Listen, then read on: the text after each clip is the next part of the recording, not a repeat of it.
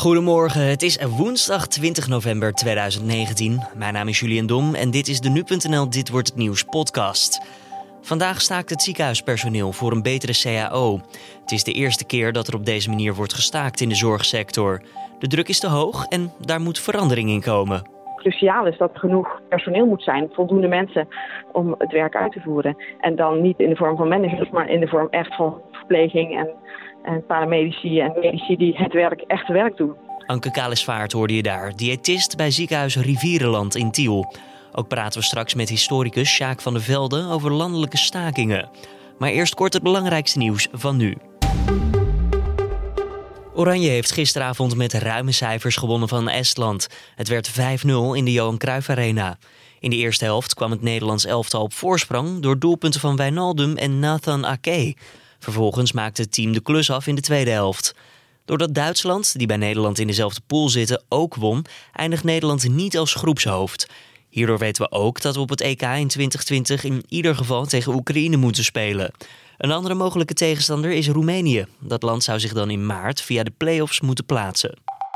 Het geboortehuis van Adolf Hitler in het Oostenrijkse Branau am Inn wordt omgebouwd tot politiebureau.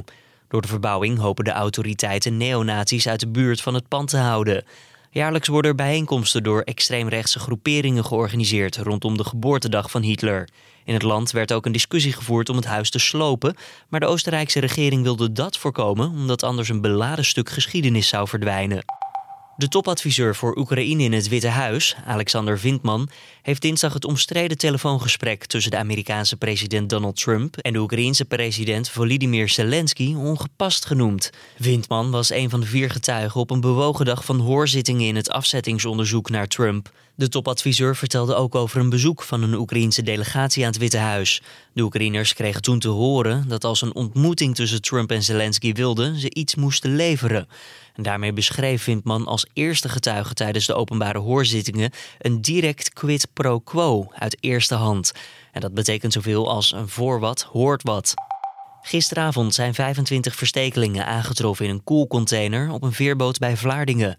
De chauffeur van de vrachtwagen is aangehouden. Of de man wist van de verstekelingen wordt nog onderzocht. Waar de groep vandaan komt is niet bekend. Dat wordt in de komende dagen duidelijk. De politie gaat er nu vanuit dat het om illegale migranten gaat. De groep is na medische controle overgebracht naar een politielocatie. Twee bewakers die dienst hadden op de nacht dat de van zedendelicten verdachte miljardair Jeffrey Epstein zelfmoord pleegde, worden aangeklaagd voor het vervalsen van geschriften.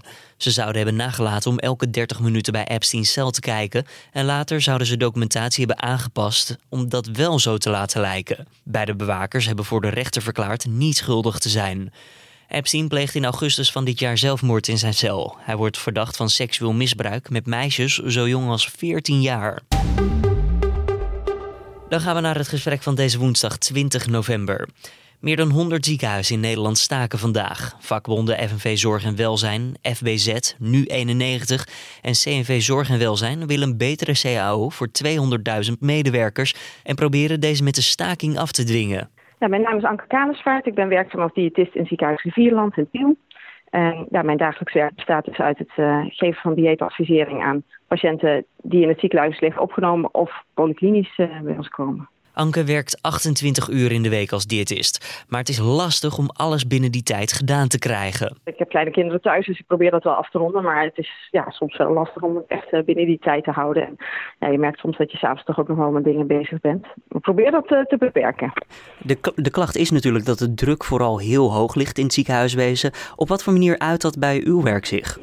Uh, ja, wat we bijvoorbeeld wel heel erg zien is dat, uh, ja, dat de uren die minder worden op onze afdeling, hè, bijvoorbeeld uh, voor het opnemen van ouderschapsverlof of iemand die minder gaat werken of voor ziekte, dat dat gewoon niet ingevuld wordt en dat we dus het gewoon hetzelfde werk moeten doen met ja, minder uren dus daardoor wordt de werkdruk wel hoger. Dus dat, uh, ja, dat zie je wel terug natuurlijk in de dagelijkse praktijk.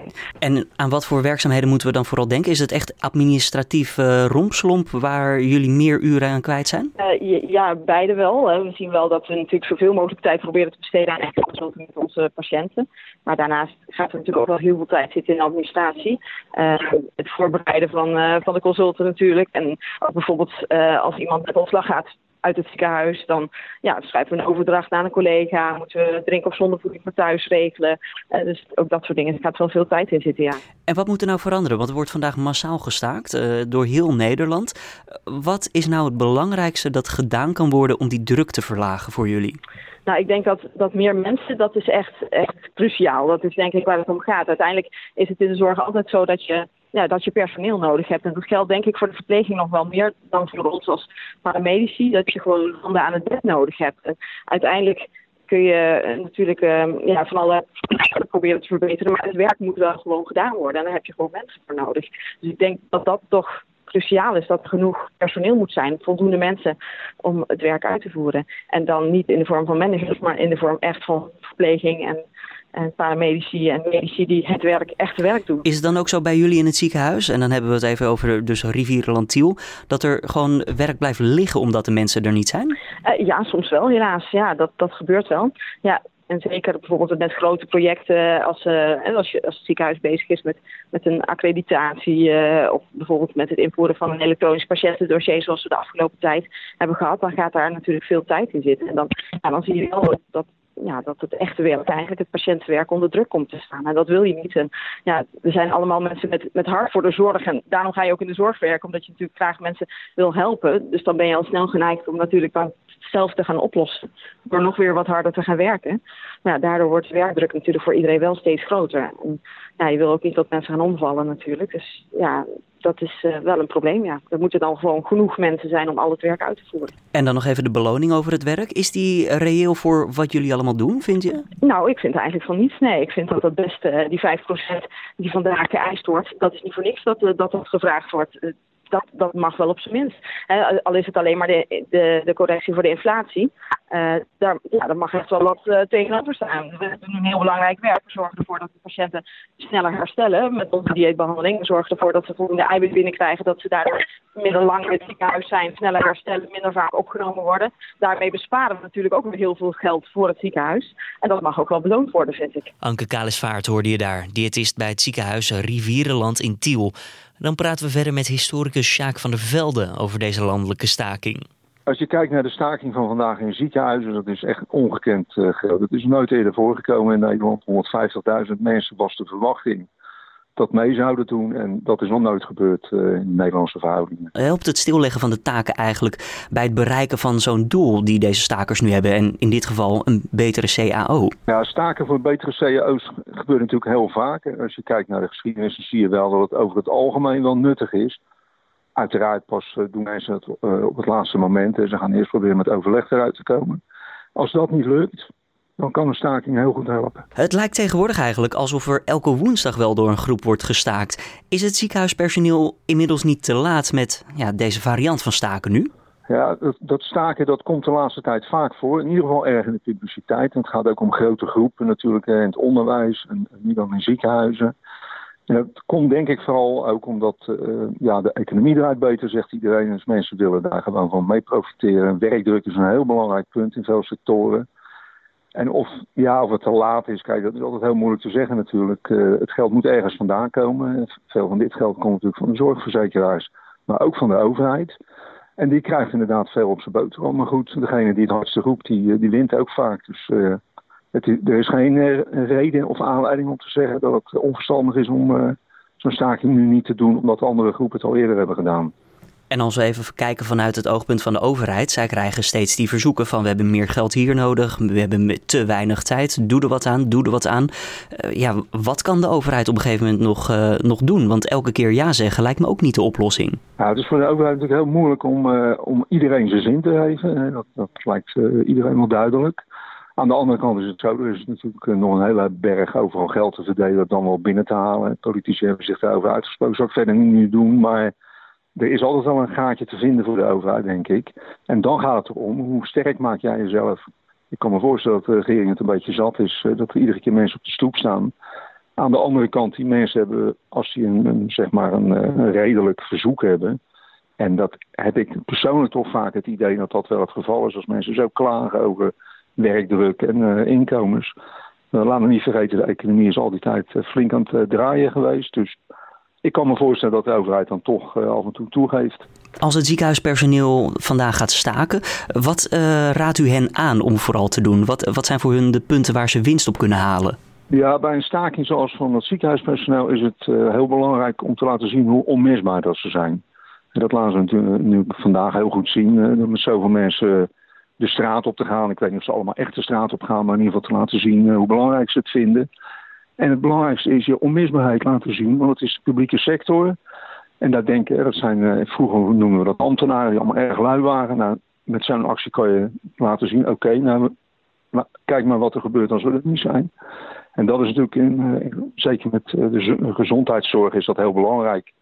Kijk, een fabriek van schroefbuiten die een paar dagen niet draait, dat vindt niemand erg. Maar ziekenhuizen die plat liggen, ja, dat is natuurlijk toch een andere zaak. Historicus Sjaak van der Velde, dank voor de toelichting. En vandaag uiteraard ook meer aandacht voor de staking op nu.nl. Blijf op de hoogte van de laatste ontwikkelingen via de site en de app. En dan kijken we ook nog even verder naar de nieuwsagenda voor deze woensdag. De zaak Nicky Verstappen gaat namelijk verder met een niet-inhoudelijke behandeling door de rechtbank in Maastricht. Jos B. wordt verdacht voor het misbruiken en doden van de 11-jarige Nicky op een zomerkamp op de Brunsumer Heide.